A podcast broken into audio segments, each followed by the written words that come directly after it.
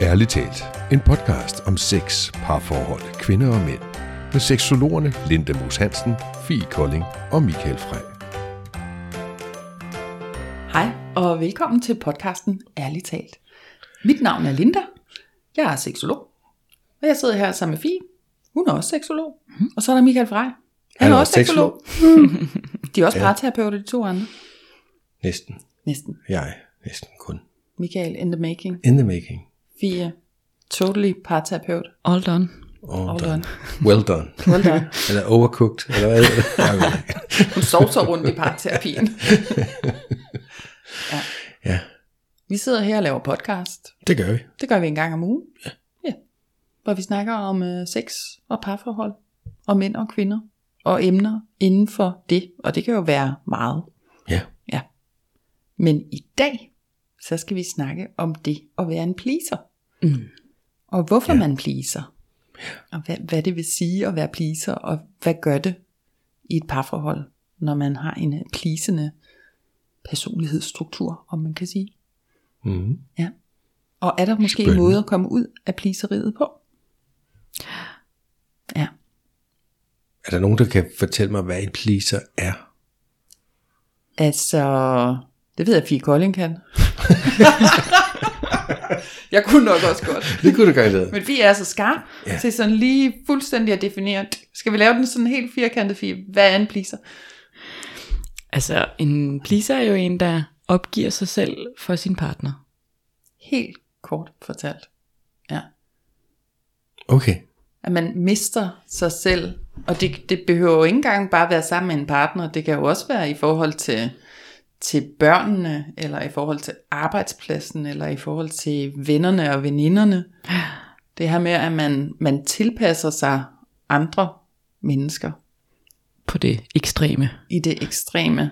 Og, og, og man i den der tilpasning, så mister kontakten til sig selv. Så faktisk kan man, hvis man er en pleaser, godt rende rundt og have sådan en identitetssøgning, hvor man ikke rigtig ved, hvem man er. Ja. Fordi man i den grad har været så meget over i andre mennesker, at man ikke længere kan mærke efter. Eller måske har man aldrig kunne mærke efter, Mm. hvad man egentlig gerne vil i livet. Øhm, Altså, så jeg tænker, at pleaseren det er den, der har meget travlt med at opfylde alle andres behov end sine egne. ja. Mm. Og derved tænker jeg, at jeg er med på Fis forklaring, som jeg tænker egentlig er konsekvensen af, at man hele tiden er over i, i andres behov, og i hvad, gøre noget for andre hele tiden. Ikke? Ja. At, så tager man sig selv. ja. Ja, det ligger jo i sådan en, sådan en afhængighed for at blive elsket. Ja. Ja. Altså for at, at blive anerkendt og elsket. Ja. Og det, hvad skal man sige, er man jo, og det er på et, sådan et ubevidst plan, men man er jo overbevist om, at det bliver jeg, hvis nu, at jeg sørger for, at du har det rigtig godt, eller at jeg gør det her ekstra, eller at jeg sådan hele tiden sætter mig selv ud af ligningen, Ja. og ligesom gør alle de her ting for andre mennesker. Ja. Samtidig kan det også være drevet af frygt. Mm, Hvis ja. nu ikke, at jeg opfylder andre menneskers behov. Hvis nu ikke jeg er der for min partner hele tiden. Hvis jeg nu ikke forudser, hvad mine børn har behov for. Så kan det være, at de holder op med at elske mig. Men jeg Så det er den her søgen for kærlighed. begge dele, I siger der, meget vel kunne lyde som noget, som stammer fra barndommen. Ja. Kunne man have oplevet i sin familie måske, at man skulle være meget, byde meget ind, byde, altså sørge for mange ting, øh, ordne meget, gøre meget for at få kærlighed, eller, eller hvor, hvor, hvor kunne det ellers komme fra sådan noget? Altså det er ofte alt det, vi så rundt i, når vi, øh, når vi kigger på de mønstre, vi kommer til terapeut med, så er det jo noget, der er opstået i barndommen, i den her relation med vores omsorgspersoner. Så jeg tænker også, at pleaseren stammer ned fra barndommen af. Det kan være, at man har haft øh, nogle forældre, der har været utilregnelige. At du, yeah. at du sådan hele tiden har skulle forudse, hvor er mor og far i dag, for ikke, at måske har du så fået skæld ud, sådan helt uden grund over bare at være dig, Mm. kunne man forestille. Der kan jo selvfølgelig være mange ting, men det er sådan et eksempel, ikke? så du sådan hele tiden, for ikke at få den her skæld ud, for ikke at, at miste kærligheden fra dine forældre, så, så lige hele tiden aflure, hvor er de henne? Hvad kan jeg gøre for ikke at miste kærlighed? For at være velkommen i den her familie, jeg er i. Mm. Jamen, jeg tror også, det kan udspringe af, hvad skal man sige, af mange forskellige sådan, oplevelser. Så det handler omkring det der med, hvornår det er blevet for meget for barnet. Altså, hvornår er det, jeg har fået den her opfattelse af, at den eneste måde, jeg kan få kærlighed på, det er, at jeg er der for andre. Det er, at jeg giver, og jeg giver, og jeg giver, for at få kærlighed den anden vej. Altså det der med, at man er, man er overbevist om, at det ikke er nok, bare det, at jeg er til. Ja. Altså sådan, så det kan jo både være, at forældrene har været der for meget, eller for lidt, eller det kan være, at mor har fyldt rigtig meget, eller det kan være, at mor var arbejdet hele tiden, og altså sådan, der kan jo, hvad skal man sige, jeg tror, den kan udspringe sig sådan rigtig mange forskellige, så det handler omkring det der med, hvornår har barnet ligesom fået inkorporeret, det her, det er sandheden, at mm. det her, det er vejen frem. Ja. Ja, det, som du siger, det kan jo komme af mange forskellige ting, men, men det der jo i hvert fald er opstået i barnet, det er den her følelse af, at det ikke er godt nok bare at være mig. Mm. Og når man siger det, så, så kan vi så også lede over på, at, at folk, der pleaser, ofte vil have en sådan lav selvværdsfølelse. Ja. At det er tit det, man møder, når man snakker med sådan nogle mennesker. Og det, det, det som vi så arbejder på i terapien, det er så ligesom at bygge det der selvværd op. Og tro på, at, at du er god nok, bare i det, at du er dig. Men hvis man sådan har pleaset hele livet igennem, så, så kan man jo nogle gange godt sidde i sådan en terapistol og slet ikke vide, hvem man er. Være sådan, det ved jeg ikke. Altså hvis ikke jeg er der for min mand og børn og gå på mit arbejde, så aner jeg slet ikke, hvem jeg er. Nej, for man ender jo med sådan at, hvis vi skal tage det ind i sådan en, en kontekst her, hvor i et parforholds øh, rum, altså så er det jo det her med, at man dyrker partnerens liv. Ja. Så det kan være, at vi skal prøve at komme med nogle eksempler på, hvordan man kan please, så vi sådan får det lidt mere konkret. Altså please er jo også lidt et, Ja. et sådan et abstrakt ord. Altså sådan, det kan da huske sådan fra lille, hvor man var sådan, må jeg gerne få en is, please? Ja, ja og det- please, det er jo ikke engang dansk ord. Altså Nej. hvad er det at please? Det er ligesom at behage, En behag, den anden, Præcis. Ja. Ja. opfylde andres behov. Ja. Ja, for jeg tænkte, hvordan ved man, om man er en pleaser eller ej? Altså, mm. fordi det er jeg jo ikke sikker på, hvis, at, at, at man er bevidst om måske i virkeligheden. Man kan måske godt gå og tænke, om jeg kan bare rigtig godt lide at sørge for, at andre har det godt. Ja, der går jo ikke noget af mig af, at, at min egen behov bliver sat til sidst. Det synes jeg er dejligt. Så man måske ikke engang sådan føler, at, at det skulle være noget problem, Ja. at man var en pleaser. Så hvis, hvis, med dine eksempler, så kunne man måske ligesom prøve at spejle sig selv i det, når man lytter med og sige, gud, kunne, kunne det være noget, jeg gjorde? ja. Og jeg tror også, det er vigtigt at det der, at få i tale sat, at der også er fors, hvad skal man sige, hvis man sådan siger, at, at hvis man går hen og bliver en pleaser, altså så er vi henne i sådan det yderste øhm, af polen, altså der, hvor det er usundt. Ja. Fordi man må jo gerne tilpasse sig, og man må for guds skyld gerne sætte sine børn i første række, altså selvfølgelig skal de der på hospitalet, selvom du har et møde, eller altså sådan det var det der med, at altså det er jo ikke fordi, man skal sidde og føle, at, at man så ikke må det, eller et eller andet, altså sådan, men der, hvor det går hen og bliver usundt, det er måske der, hvor vi kan tage udgangspunkt i, fordi man må jo gerne tilpasse andre mennesker, det skal vi kunne for at, hvad skal man sige, fungere i samfundet, men det handler omkring, hvornår er det, det tipper over, og går mm. hen og bliver usundt. For det er jo ligesom der, hvor et parforholdet, det bliver sådan et ubalanceret parforhold, hvor at, altså den ene bliver sådan en, jamen sådan tyran, og den anden bare pleaser under, ja. og så bliver det sådan et helt ubalanceret øh, dynamik mellem de to, og så er det jo, at det er usundt at være i. Ja. Så hvad kunne et eksempel være på, øh, på pleaseren? Det kan være... Michael han sidder lige og drikker kaffe. jamen pleaseren, det kan jo for eksempel være, at, at jeg tænker, at jamen, jeg vil gerne, øh, jeg lægger planer med veninderne i weekenden, og så kommer min partner og siger, nej, men altså, jeg havde da tænkt, at jeg skulle øh, have drengene over. Nå okay, jamen, så ændrer jeg bare mine planer, og så aflyser jeg pigerne, og så, når man skal jeg ikke, øh, så, så tager jeg lige hjem og gør hele huset rent, og så får jeg også handlet, og skal jeg ikke bestille det her, og altså sådan, det der med, at jeg sådan, egentlig måske selv havde nogle planer for eksempel, men fordi hvis min partner, fordi jeg dyrker mere hans liv, altså så, så skal man sige, stopper jeg mit eget liv for hans skyld. Ja.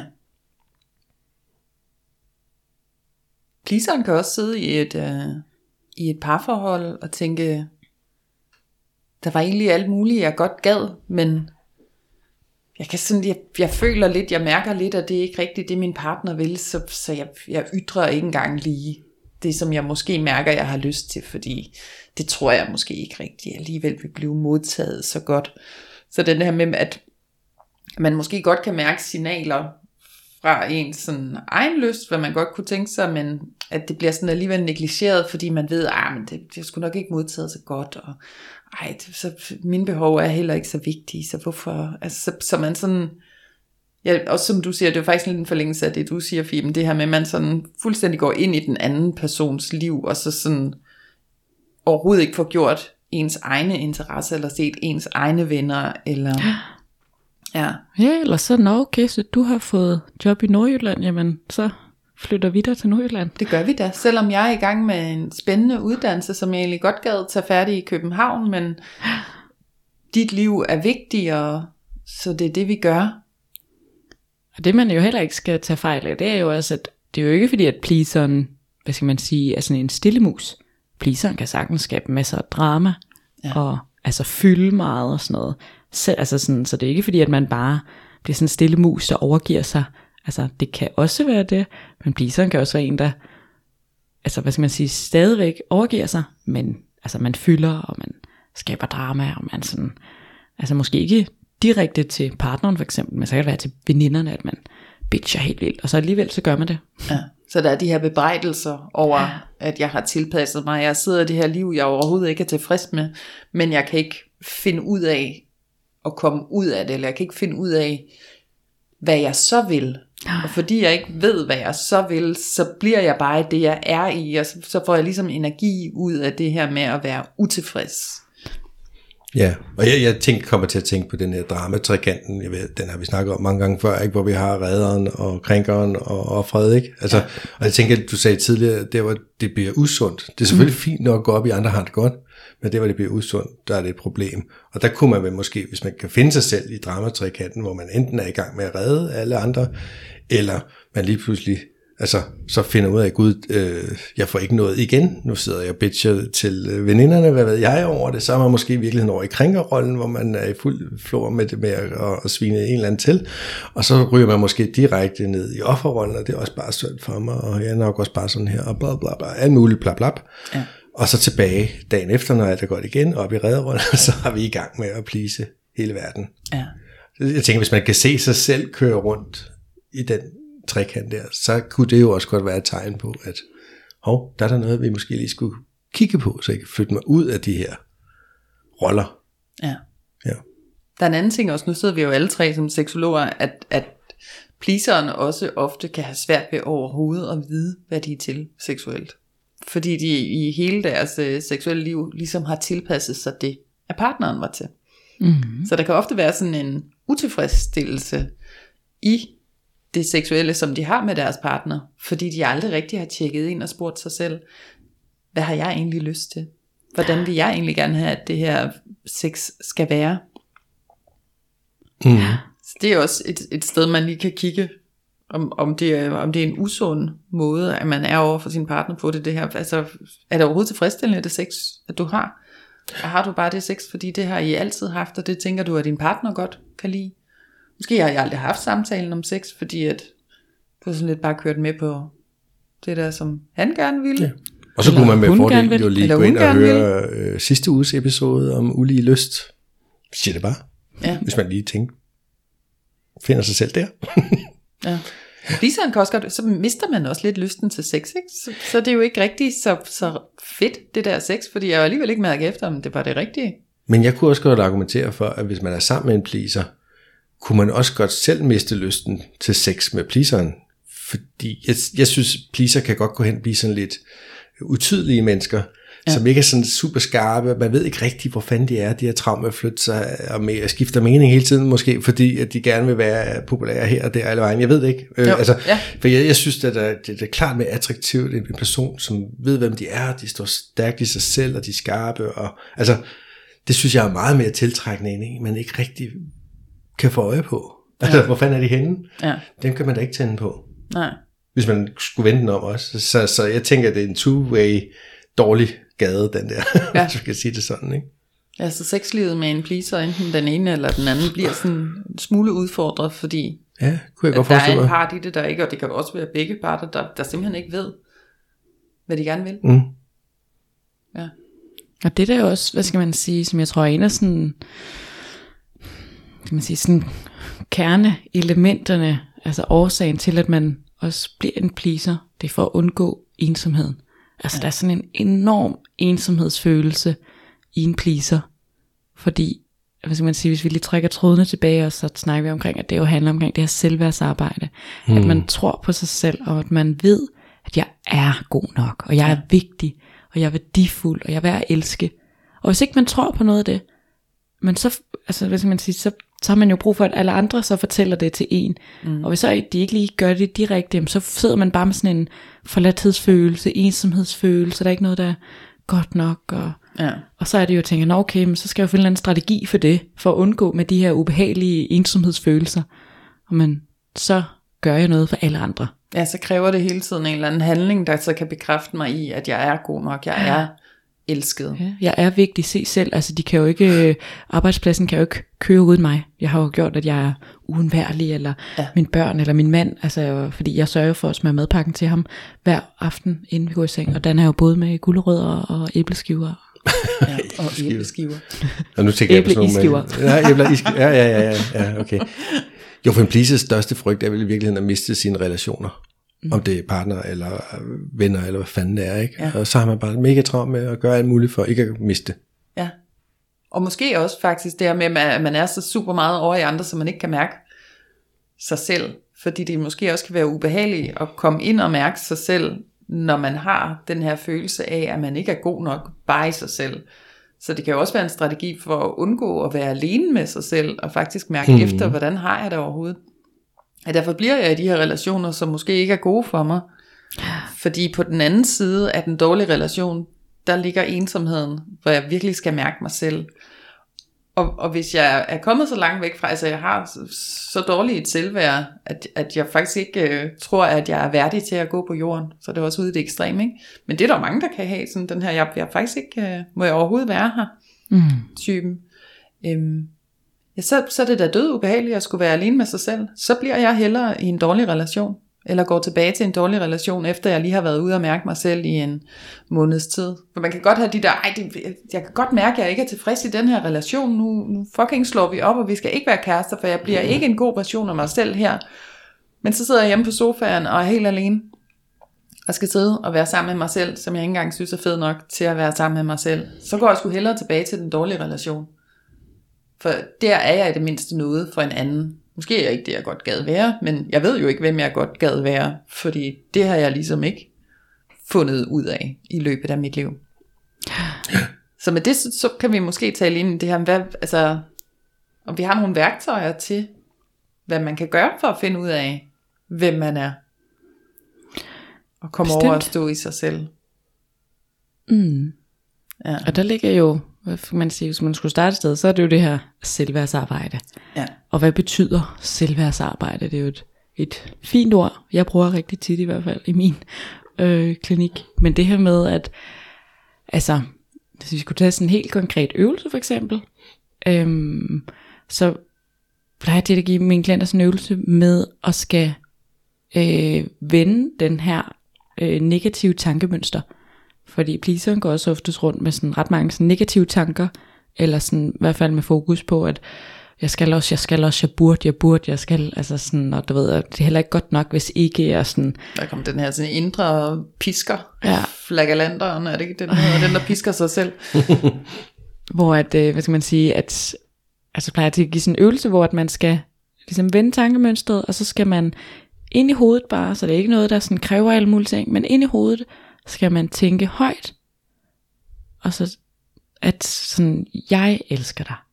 Så det vil sige, at, at hvis det var mig, der skulle lave øvelsen, så vil jeg inde i mit hoved tænke højt, så vil jeg sige, Fie, jeg elsker dig. Ja. Jeg er her for dig. Jeg synes, du er vigtig. Og jeg er overlykkelig for, at jeg skal bruge hvert eneste minut i hele mit liv sammen med dig. Og så det der med, hvad skal man sige, bare tænk det højt ind i hovedet, for sådan med at sige det højt, kan være, at det virker meget bedre, men det er ofte sådan meget mere sådan grænseoverskridende for folk, og så skal man være et sted, hvor man kan sige det højt, uden folk hører det og sådan noget. Men det der med at bare sige det højt ind i hovedet, mm. og så sige det 500 gange om dagen, ja. hvis man kan. Ja. 20 gange er også bedre end 0 gange. Ja. 500 gange er bedre end 20 gange. Altså ja. det der med, skal man sige, at forvente det der, fordi at, at jeg er så som pleaser, og mange andre mennesker også, er jo så afhængige af at få den her bekræftelse, anerkendelse af, at jeg er god nok, og jeg er elsket af alle andre. Men jeg skal jo lære at give det til mig selv. Ja. Og en af måderne er ved at fortælle det til mig selv. Jeg simpelthen tænke det højt ind i hovedet, og forvente de der tanker. Ja, for hjernen tror jo på, hvad vi fortæller den. Den er jo helt fantastisk. Så hvis jeg går hele dagen lang og siger, jeg elsker at værdsætte mig selv. Elsker at værdsætte mig selv, i stedet for, åh oh, nej, jeg er jo heller ikke værd at elske. Øh, nu bliver jeg forladt lige om lidt. Altså, så man kan godt sådan... Hmm. Man kan manipulere hjernen fuldstændig. Ja. Jeg kan godt lide at skrive også. Det kan man også, uden at andre kan se det. Mm. Jeg synes, der er noget i det her med, at, at jeg ligesom tænker, jeg elsker at værdsætte mig selv. Det har ligesom været min sætning fra en terapeut en gang. Skrive det med min hånd, det vil sige, det går fra min hjerne ned igennem min arm, ud i min hånd, jeg skriver det ned, og så ser jeg det med mit øje, og det går op igen, og i min hjerne, så har jeg sådan ligesom sådan en cirkulær, at, at, at jeg både tænker det, jeg får det ned på et stykke papir, jeg ser det med mine øjne, og tager det ind i min hjerne igen. At der ligesom kommer sådan en bevægelse i det også. Og det kan man jo gøre. Altså, så, så tænker jeg faktisk, vi lidt over i den indre kritiker, der er den, der siger alle de her sådan, uh, knap så behagelige ting til os om vores uh, personlighed. Og den kommer jo igen fra vores omsorgspersoner. Ja. Øhm. Ja, så simpelthen få identificeret, hvad det er, den siger. Og så netop, som du siger også, Fie, det her med at stille spørgsmålstegn, er det, er det virkelig rigtigt, at der slet ikke er nogen, der kan lide mig, hvis ikke jeg render rundt og fuldstændig har mistet mig selv? nej, det er måske ikke rigtigt. Okay, så det du siger, det er måske ikke rigtig sandt. Kunne jeg så omformulere det til at være en positiv version af at det negative, jeg får at vide inde i mig selv, og så blive ved med at fortælle mig selv det positive. Ja. ja. Ja, og det spørgsmål der, det synes jeg jo kunne være sjovt også at vende om og sige, kunne man forestille sig, at der var folk, flere folk, der kunne lide mig, hvis jeg var skarp og var mig selv, altså en, du ved, sådan en veldefineret person, ja. altså med holdninger og meninger og ting og sager. Og så kan der godt være, at der er nogen, der ryger i svinget. Altså, hvis man skal være sådan lidt firkantet. Hvis man har nogle venner, som kun gider være sammen med en, fordi man pleaser dem i hoved og røv, ja. så er det i virkeligheden måske ikke helt værd at samle på. Nej, det er jo og ikke de fede man, venskaber, nej. Så hvis man formår at, at arbejde med selvværd og, og øve sig på det, og lave nogle ting om og så videre, ikke? og de så ryger fra, ja, hvad så? Altså, så var det, var det så gode venner, hvis, hvis de kun var der, fordi du gad at please dem? Nej. Nej. Okay. Men, nå, ja, det var bare en tanke. Ja. Altså der er selvværdsarbejdet.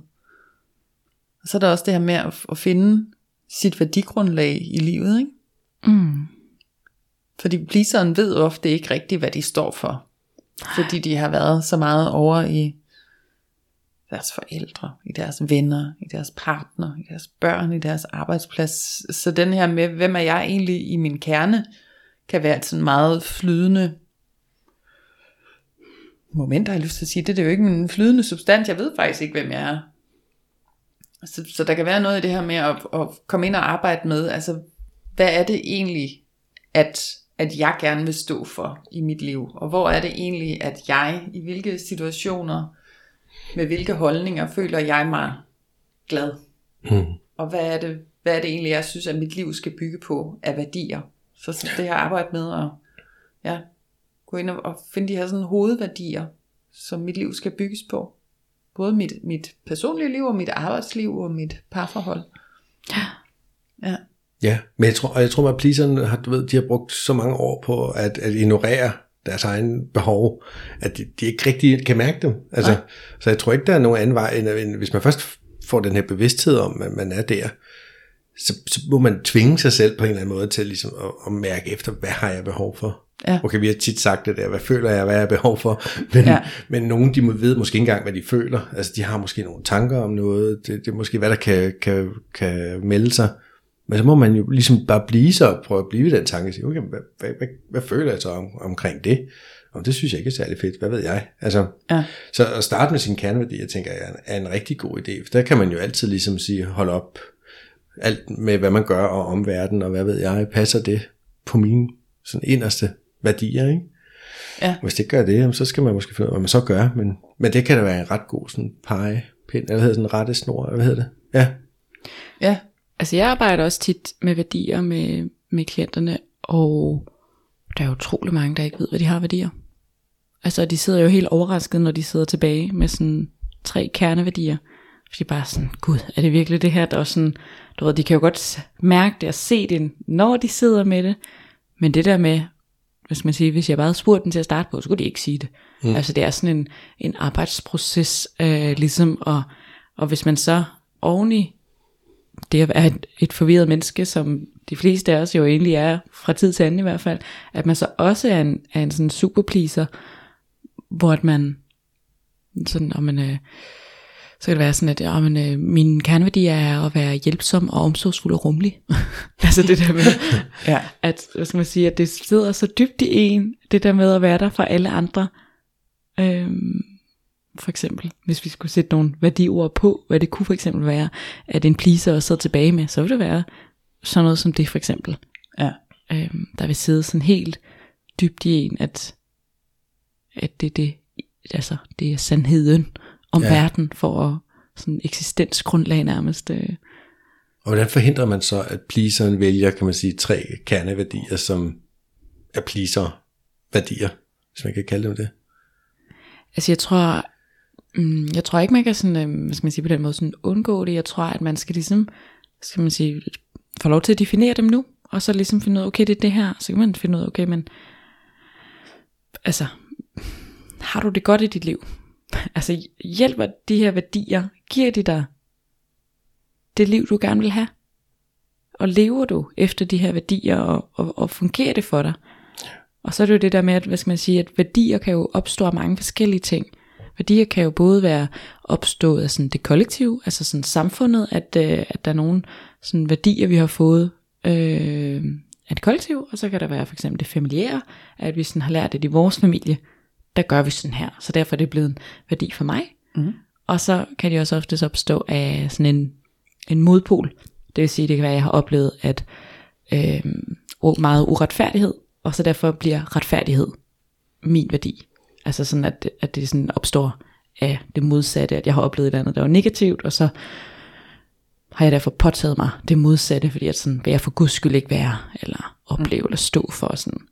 Så man sige, det kan jo opstå mange forskellige ting, så det er det, hvis man er så filtreret ind i hele pliseriet, så skal man sige, at det er nok ikke slet ikke muligt at finde altså en anden udvej til at starte på. Så det der med, hvad skal man sige, at få det, få det sådan defineret ud, er jo super fint, og så kan man jo gå ind og arbejde med det, så siger man, okay, men hvad betyder det for dig at være hjælpsom? Altså går den to veje? Eller går den kun en vej?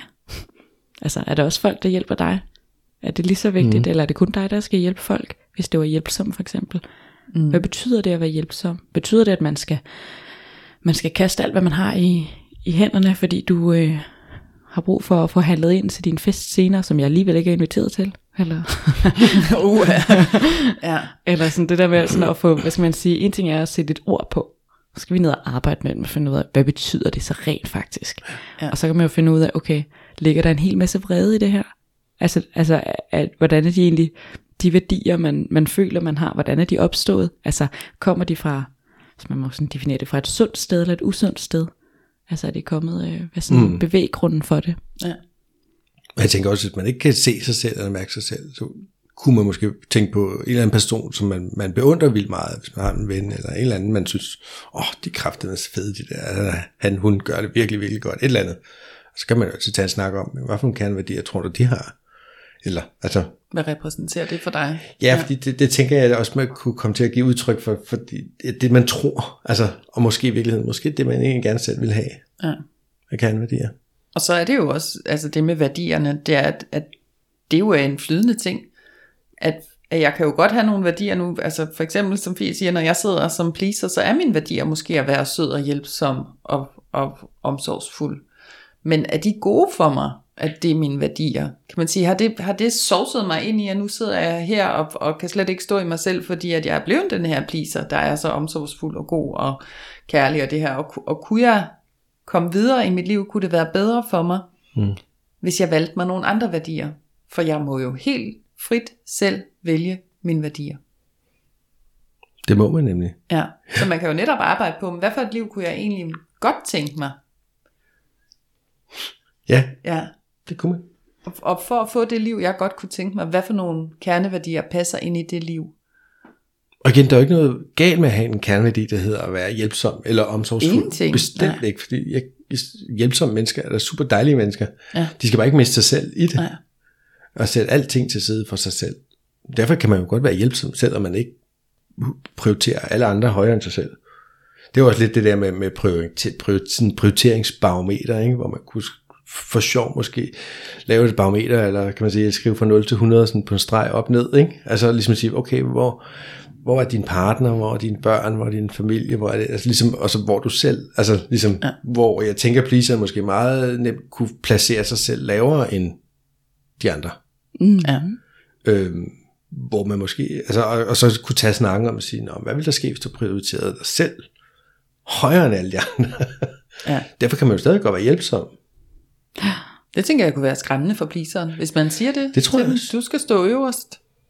Uh, uh, det det. Nej, det, nej, kan det jeg da ikke. Nej. Og så kommer det der gamle eksempel ikke? Med, med iltmasken i, i flyet der. Ikke? Men, men det er jo lidt det der med, hvis, hvis så, du skal selv tage din maske på, før du kan hjælpe de andre. Fordi hvis ja. du selv løber tør for ilt, så kommer du aldrig til at kunne hjælpe de andre. Altså, så så det, det billede kunne man måske godt prøve at arbejde med også. Ikke? Ja. Nå, jamen, der er en vis fornuft i, at okay, jeg skal hjælpe mig selv, før jeg virkelig ægte kan hjælpe andre. Fordi ellers ja. så er det måske ikke en ægte hjælp. Eller, forstår jeg, hvad jeg mener? Ja. Øhm, også det der med, at man skal altså elske sig selv. Hvis man ikke gider elske sig selv, hvorfor skulle andre så give det? Altså, mm. sådan, øhm, ja. ja. Sådan nogle ting. Og jeg tænker også, at øhm, sådan en anden øvelse, man også øhm, kunne give en pleaser, det er jo sådan noget med for eksempel, som vi snakker om lige før, at pleaseren kan have svært ved at sådan, træffe en beslutning, for eksempel. Kan have svært ved sådan at, at vide, hvad man gerne vil. Og det kan jo, hvad skal man sige, sætte spor sådan mange steder. Det kan for eksempel være, at man ikke er særlig god til at beslutte, hvad man gerne vil have at spise til aftensmad. Ja. Jamen, så kan det så for eksempel være, at man øh, får til opgave, at man skal finde ud af, hvad man vil have at spise til aftensmad. Hver dag i den her uge. Ja. Og så må ens partner ikke øh, beslutte det for en. Og det der med at, hvad skal man sige, at turde træffe en beslutning øh, på den. Altså, og hvad skal man sige, fordi pliserne er også bange for, at man træffer en forkert beslutning, og den anden så ikke synes det er godt nok, eller man måske bare sådan, jeg kan spise det hele, eller sådan. Men det der med sådan at, og så selvom at man måske ikke kan mærke, jamen har jeg mest lyst til kartofler, eller ris, eller pasta, jamen så træf en beslutning. Ja, og altså, stå ved den. Stå ved den. Ja. Og det der med, hvad skal man sige, selvom du ikke kan mærke det, så skal du øve dig i, og bare træffe en beslutning. Altså det der med, og så altså træffe den helt selv, og så stå ved den. Øhm, og så, hvad skal man sige, på den måde kan man også lære, at det måske var en forkert beslutning, eller at det måske var en god beslutning, eller det der med, at man, sådan, at man lærer, at beslutninger heller ikke er, er farlige. Øh, og hvis så, at du har valgt at spise kartofler, og din partner så kommer hjem og siger, Nå, øh, jeg troede, vi skulle have ris. Så siger nej, jeg havde lyst til kartofler. I stedet for, nå okay, men jeg kunne lige ud og lave nogle riser. Ja. altså, du ved, stå ved, nu blev det kartofler. Ja. Øhm, ja. Så selvom at ja. du ikke kunne mærke, hvad du selv havde mest lyst til, så træf en beslutning alligevel. Ja. For på den måde at lære at træffe en beslutning. Og hvis så at, at de finder ud af, at de der kartofler der, de smagte ikke særlig godt alligevel, eller et eller andet, jamen, så har du lært, at det var det, der var det farlige. Så det mest farlige, der skete ved, at du tog den her beslutning, det var, at de der kartofler ikke smagte sådan super godt. Mere farligt var det ikke. Altså det der med, at, at der mm. også ligger sådan en enorm frygt bag at tage en beslutning. Så det med at afprøve det at se, at, at hvad er det sgu altså heller ikke. Så det er, hvis man sådan øver sig i det små, og øver sig i at også lære at mærke sådan bagefter, hvor man så måske sidder efter reflekterer og siger sådan, ej, jeg kunne faktisk godt mærke, at jeg havde faktisk mest lyst til, til ris. Men jeg valgte kartofler, jeg ved ikke helt hvorfor. Men så på den måde øver man sig også. Øhm, mm. Og det kan jo både være på det, eller det kan være at, øh, at arrangere en date. Det her pleaser, øh, hvad skal man sige, kan pleaseren både have rigtig nemt ved og rigtig svært ved. Så det skal i hvert fald, hvad skal man sige, hvis pleaseren oftest har nemt ved det, så er det fordi, at jeg ved, at min partner, han elsker kongens have. Så jeg er sådan home safe ved at tage med kongens have.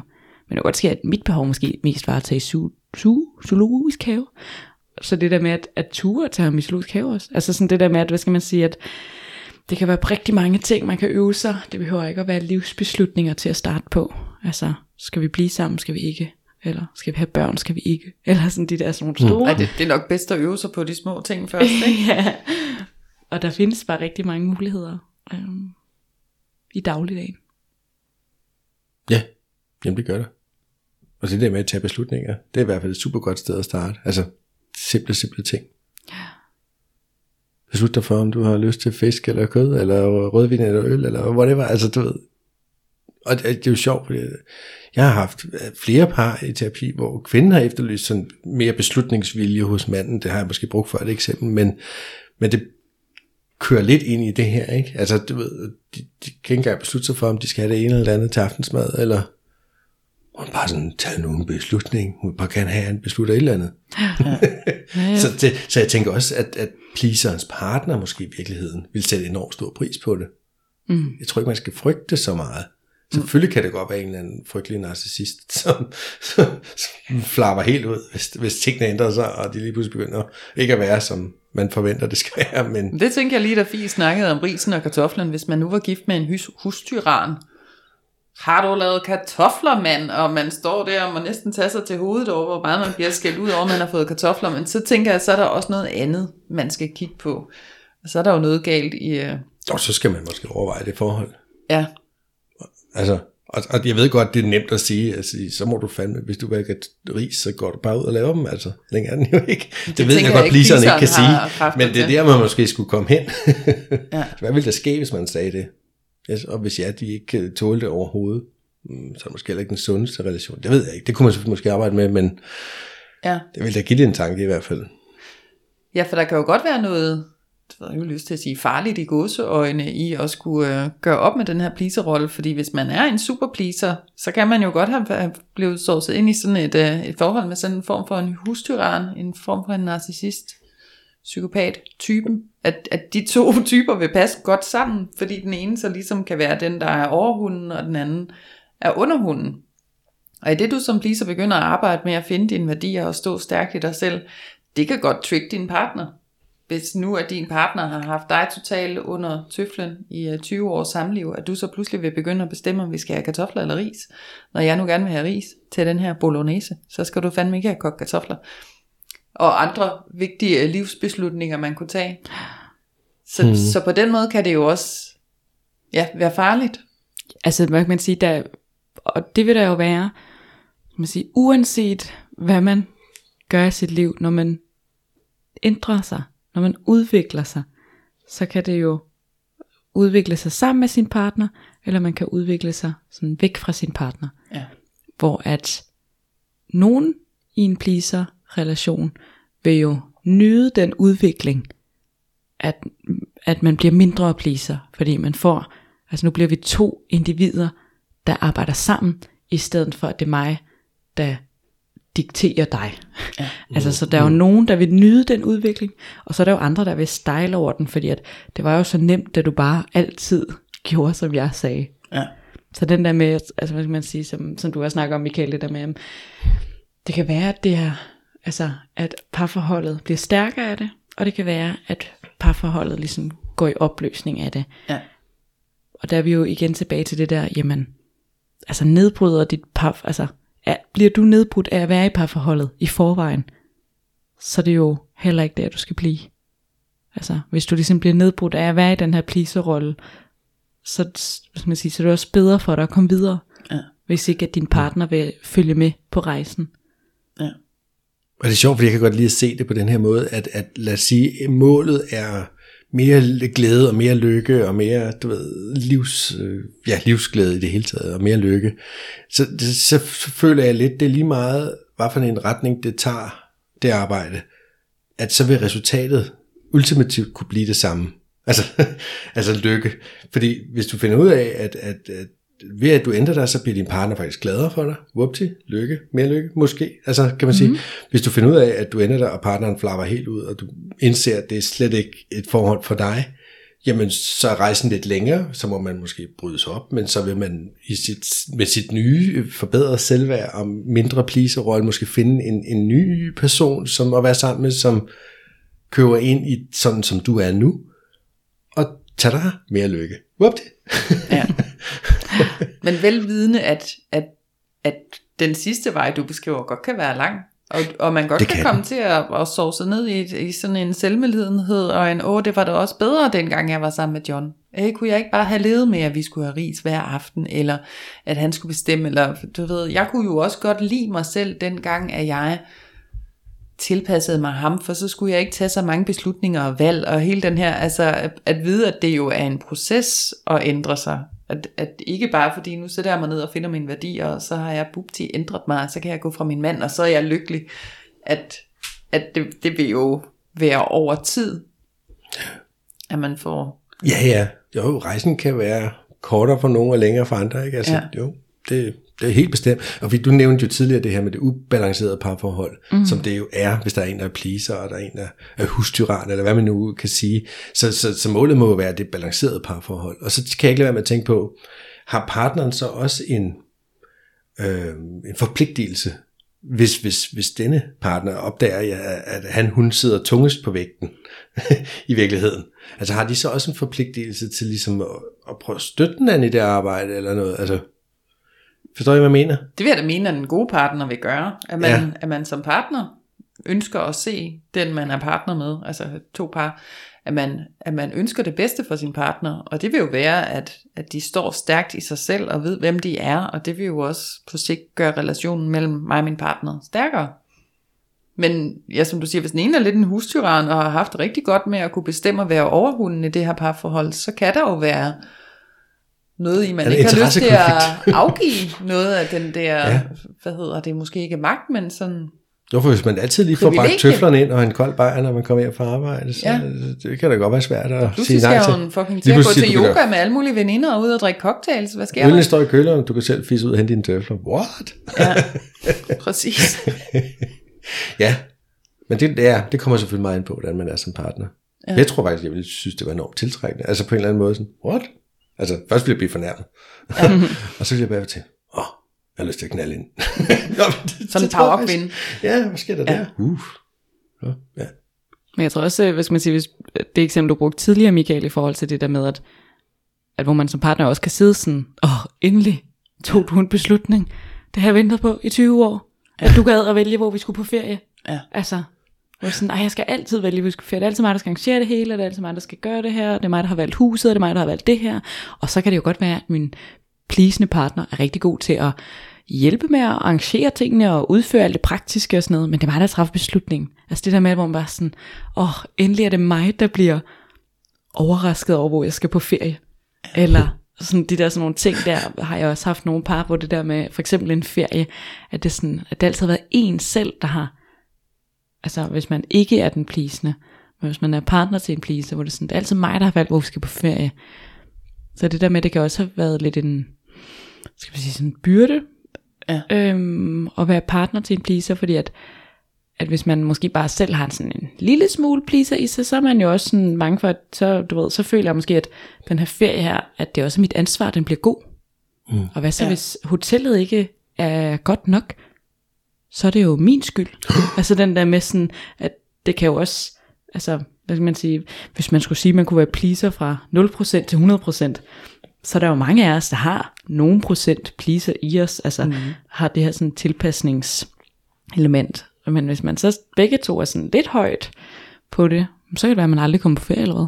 altså det der med sådan, den der dynamik, der også øh, sker. Interessant. Så jeg tænker, det handler jo om, at, at først og fremmest, så må man få en eller anden form for bevidsthed omkring, at der er det her på spil, og man har den her rolle. Og hvis man ligesom får den, så må man jo beslutte med sig selv, om man vil gøre noget ved det eller ej. Ja. Du er nødt til at mønstre en eller anden form for vilje til at skabe en forandring inde i dig selv. Mm. Øh, for ellers så sker der ikke noget. Mm-hmm. Og som jeg tror også, vi snakkede om i, i, i sidste episode, vi snakkede om lyst, ansvaret for lyst øh, ligger hos dig. Ansvaret for din rolle, kan man sige, i livet i virkeligheden, ligger også hos dig. Så du vælger ikke at gøre noget ved det, så har du selv valgt det. Og så kan du ikke bitche over det på noget tidspunkt. For så skal du gøre noget ved det. Giver det mening? Ja. Så hvis man kan se sig selv sidde der til veninder, eller, eller, du ved, eller manden, der sidder og, og bitcher over sin boss i kone, ikke? Nå, men så må man jo gøre noget. Ja. Ellers skal man bare holde op med bitche og beklage sig.